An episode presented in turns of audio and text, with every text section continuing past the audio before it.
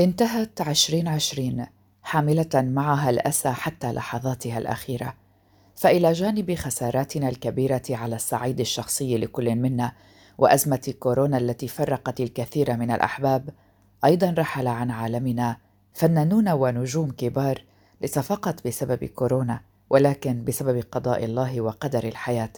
كان آخرهم المخرج والممثل السوري حاتم علي الذي ترجل في اليوم قبل الأخير في 2020 وشيع ودفن إلى مثواه الأخير في دمشق في اليوم الأول من 2021 وقلنا نطوي صفحة المآسي في آخر تلك السنة لكن ما لبثنا أن عدنا لحزننا بفراق الكاتب والمؤلف والسيناريست المصري الكبير وحيد حامد والذي أيضا نعاه العالم العربي بحزن كبير ذلك أن الأوساط الثقافية والفنية في مصر فقدته في اليوم الثاني من 2021 أي في الثاني من يناير كانون الثاني وذلك بعد تدهور حالته الصحية في أحد مستشفيات القاهرة. الراحل وحيد حامد سطر مسيرة سينمائية مميزة ليؤسس مكتبة ثقافية مهمة قبل أن يخطفه الموت عن عمر يناهز 77 عاماً.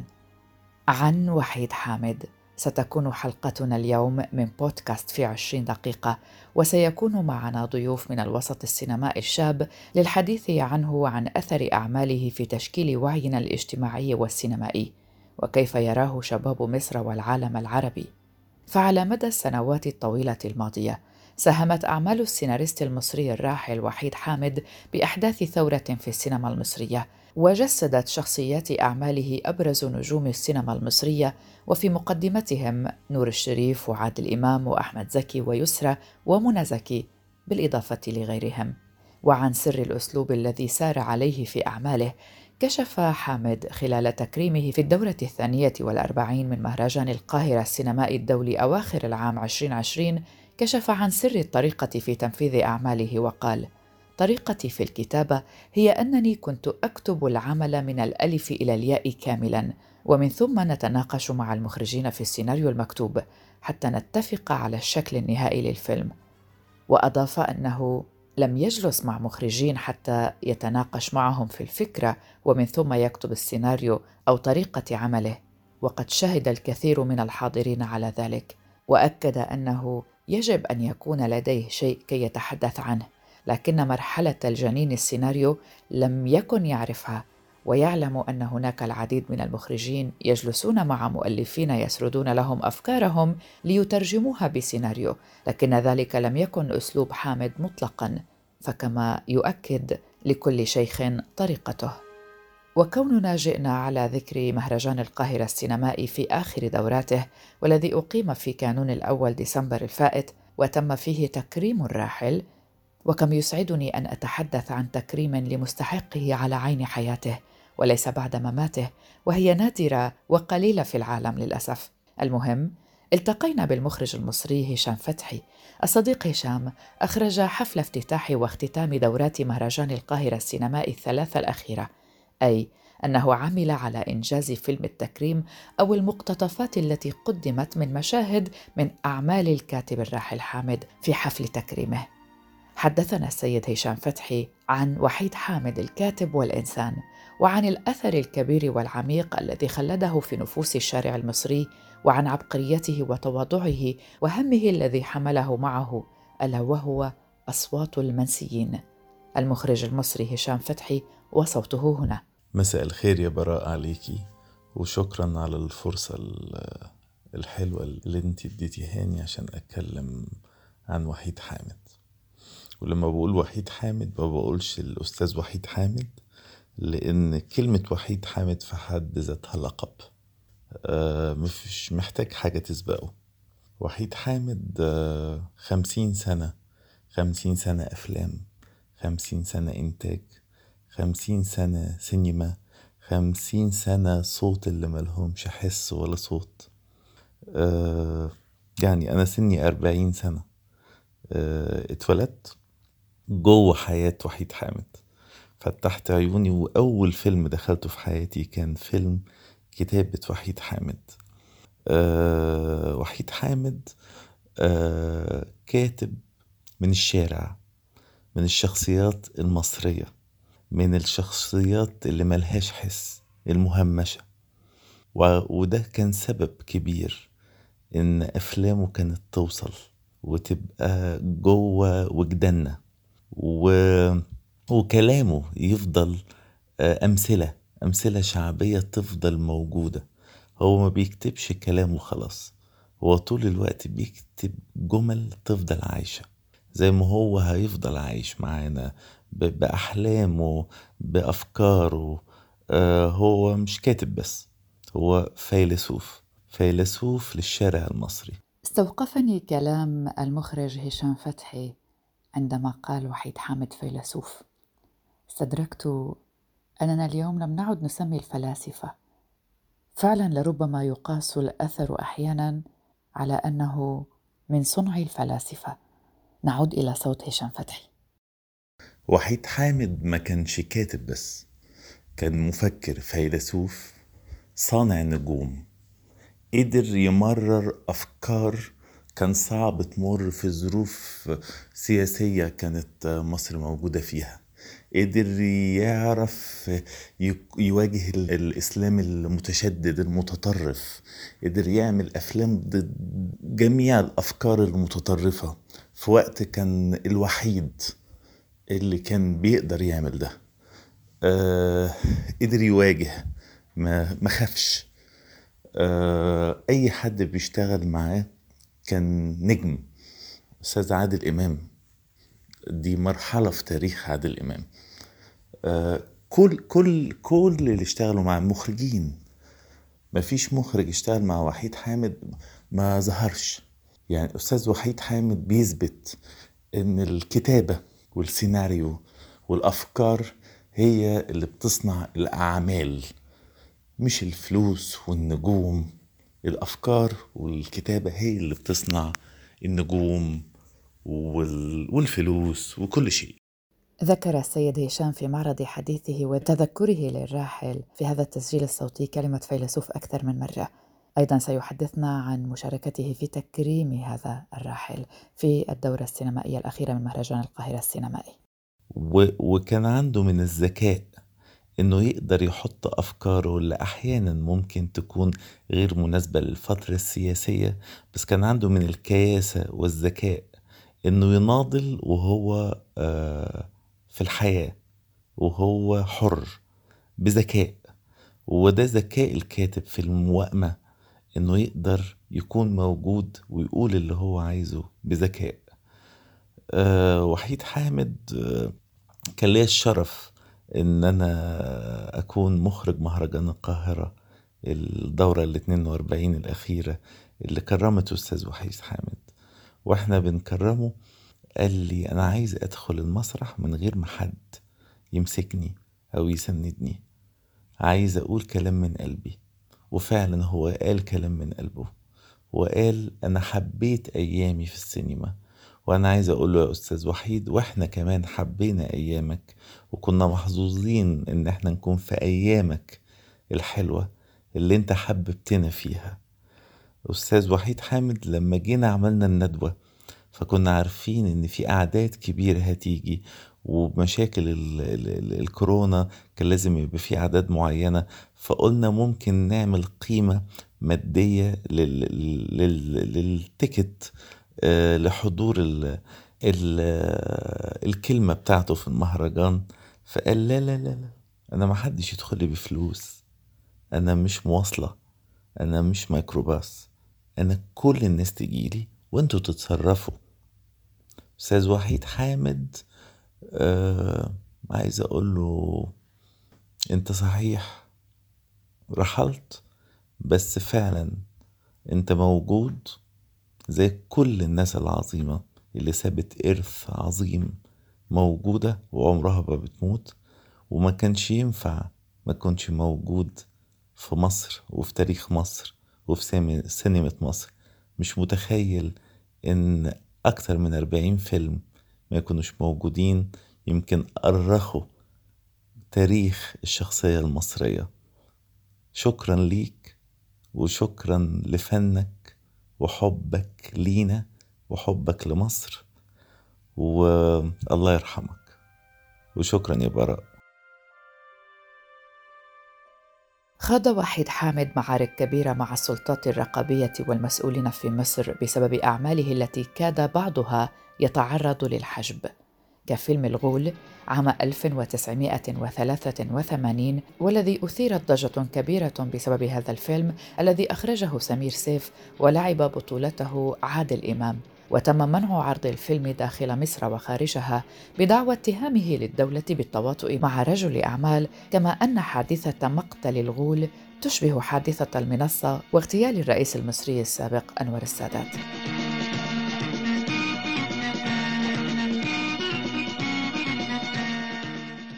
أيضا فيلم البريء الفيلم أنتج سنة 1986 وأخرجه عاطف الطيب ولعب دور البطولة الفنانان أحمد زكي ومحمود عبد العزيز. وبسبب هذا الفيلم دخل وحيد حامد في صدام مع ثلاث وزارات أعلنت رفضها للفيلم وكانت البداية مع وزارة الدفاع بعد أن تقدم أحد الأشخاص بشكوى يتهم فيها صناع الفيلم بتصويره داخل معتقل حقيقي. وهو ما يعد إفشاء لسر عسكري. وبعدها طالبت أيضا وزارة الداخلية منع العمل بحجة أن أبطاله يرتدون نفس الملابس التي يرتديها جنود وضباط الأمن المركزي. وظل الفيلم ممنوعا من العرض إلى أن وافق فاروق حسني وزير الثقافة الأسبق في إبريل نيسان 2005 على عرضه كاملا في افتتاح المهرجان القومي للسينما.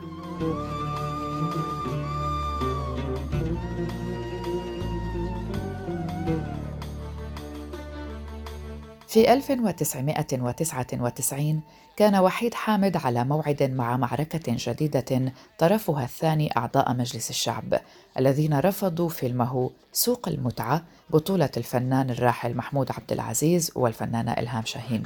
ودخل النواب في مواجهة ساخنة مع فاروق حسني وزير الثقافة وقتها ووجهوا نقدا شديدا للفيلم لتضمنه مشاهد ساخنة اعتبروها مخلة بالآداب العامة وتقدموا بطلب إحاطة لسحب الفيلم من دور السينما.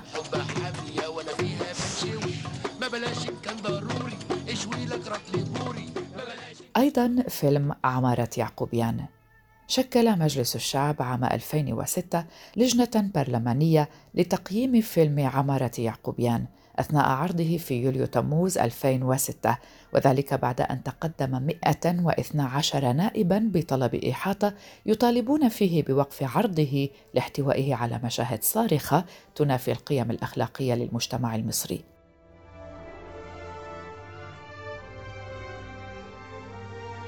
أما فيلم عبارة الموت فبمجرد إعلانه عن كتابة سيناريو الفيلم عن حادثة العبارة السلام 98 تلقى وحيد حامد إنذارا قضائيا من محامي مالك العبارة ممدوح إسماعيل لتحذيره من كتابة العمل.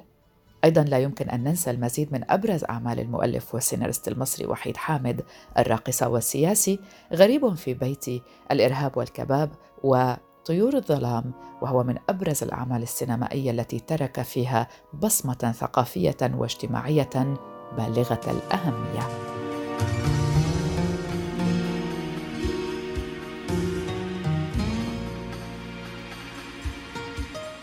لم تكن مسيرة الكاتب المصري الشهير الراحل وحيد حامد والذي توفي عن 76 عاما لم تكن عادية أبدا.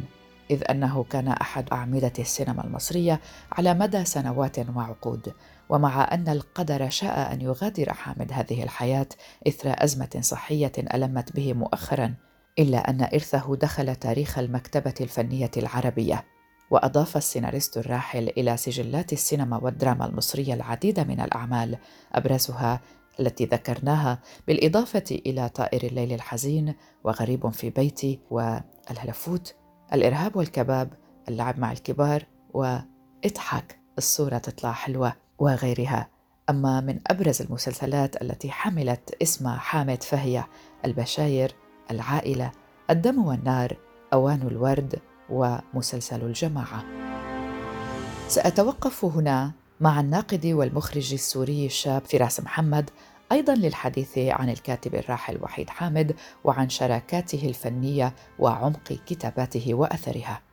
وحيد حامد طبعا من أهم كتاب السيناريو بالسينما المصرية واللي شكل بشراكته خصوصا مع المخرج الراحل عاطف الطيب جزء كبير من وعي جيل الثمانينات بما يخص السينما. طبعا هو ترافق ظهوره خصوصا إنه هو كاتب سيناريو غير دارس لكتابة السيناريو وإنما مستند على مرجعيته الأدبية ومرجعيته المتعلقة بالشارع. هي اللي سمحت لوحيد حامد إنه يكتب أفلام ملتصقة جدا بالشارع ويكتب حوارات هو حدا ضليع جدا بكتابة حوارات الشارع بلغة بليغة مفهومة وبسيطة وبنفس الوقت تملك من العمق ما يكفي لجعل أي فيلم فيلم مهم. وفاة وحيد حامد إجت بوقت تلا تكريمه بمهرجان القاهرة بالهرم الذهبي. وقتها قال كلمة إنه حبيت أيامي مع السينما وحقيقة نحن حبينا السينما وأيامنا مع السينما المصرية من خلال كتابات وحيد حامد من خلال شراكته المهمة جدا مع عاطف الطيب.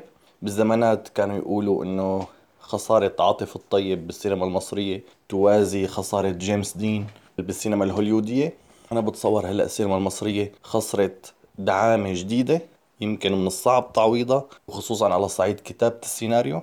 وحيد حامد الشخص يلي قدم بجيل الثمانينات عدد كبير من الأفلام ليس فقط مع عاطف طيب أيضا مع شريف عرفة بنذكر منها الإرهاب والكباب يلي عمل صدى كتير كبير ببداية التسعينات. نتيجة طريقته بتصوير بانورامي للمجتمع المصري من خلال حادثة كوميدية. الكوميديا دائما حاضرة بأفلامه ولكن هي كوميديا الشارع. بنفس الوقت هي دراما الشارع. هي تراجيديا الشارع. هو الشيء اللي قدر وحيد حامد بأنه يلتقطه من خلال كتاباته. هذا كان تأكيد من ضيوفي أن وحيد حامد جعل الكثيرين يحبون أيامهم مع السينما كما قالها هو في تكريمه الأخير. لم ينفصل اسم الكاتب المصري وحيد حامد عن اسم الفنان المصري الراحل أحمد زكي فبينهما كانت الصداقة قوية ولا يمكن اختصارها بسطور قليلة. يعتبر فيلم البريء التعاون الأول بين حامد وزكي. استمر التعاون بين حامد وزكي في أعمال أخرى مثل فيلم معالي الوزير وأيضا فيلم إضحك الصورة تطلع حلوة لكن العلاقة لم تقف عند هذا الحد بل كان التآخي كبيرا بين الرجلين. وفي أحد الأيام جرى التقاط صورة للرجلين الراحلين معا وكتب حامد على ظهر الصورة بخط يده معا في كل شيء يا أحمد الفرح والحزن الضيق والفرج الانطلاقة والفرج الحب بكل معانيه. تعالوا أيضا أحكي لكم قصة اللقاء الأول بين وحيد حامد وأحمد زكي. في تصريحات سابقة روى الكاتب الراحل وحيد حامد قصة لقائه الأول مع أحمد زكي. فقال التقيت بأحمد زكي في نهاية الستينيات تحديدا في العام 1969 وكان ذلك في أحد مطاعم سندويشات الفول والطعمية بوسط البلد. مشواري بدأ في نفس توقيت مشواره وطباعنا كانت متشابهة. ومع هذا فإن الرابط المشترك بين زكي وحامد ليس الجغرافيا فقط إذ أن الرجلين قدما من محافظة الشرقية تقريبا في وقت واحد بحثا عن تحقيق النجومية والعمل في سماء الفن. ووسط ذلك أقر حامد بأنه كان هناك الكثير من الاختلافات في وجهات النظر مع زكي حول الأعمال الفنية لكن ذلك لم ينل من الحب والصداقة القائمة على الوفاء والاحترام. وفي هذا الإطار كان الراحل وحيد حامد قد أرسل خطابا يكشف فيه عن خلاف فني بينه وبين زكي إلا أنه اتسم بروح المحبة والإخلاص. جاء في هذا الخطاب الأستاذ أحمد زكي. خالص تحياتي. في اتنين كارهين بعض جدا راجل وست وما فيش حل غير الطلاق. بس مش قادرين علشان المدام حامل في الشهر السابع. بمجرد ما تولد بالسلامة كل واحد يعرف خلاصه. العيل اللي عندنا اسمه اضحك الصورة تطلع حلوة. عاوزين له ولادة طبيعية وليست قيصرية مع كل الاعتزاز وحيد حامد. هذه كانت حلقة من بودكاست في عشرين دقيقة. يسعدني أنها كانت من إعدادي وتقديمي. براء صليبي. ويشرفني أنني عشت في تاريخ هؤلاء الكبار الذين للأسف يرحلون عن عالمنا بهذا الشكل لكن آثارهم تخلدهم. شكرا لكم ولإستماعكم لهذه الحلقة. نلتقي في حلقات قادمة. إلى اللقاء.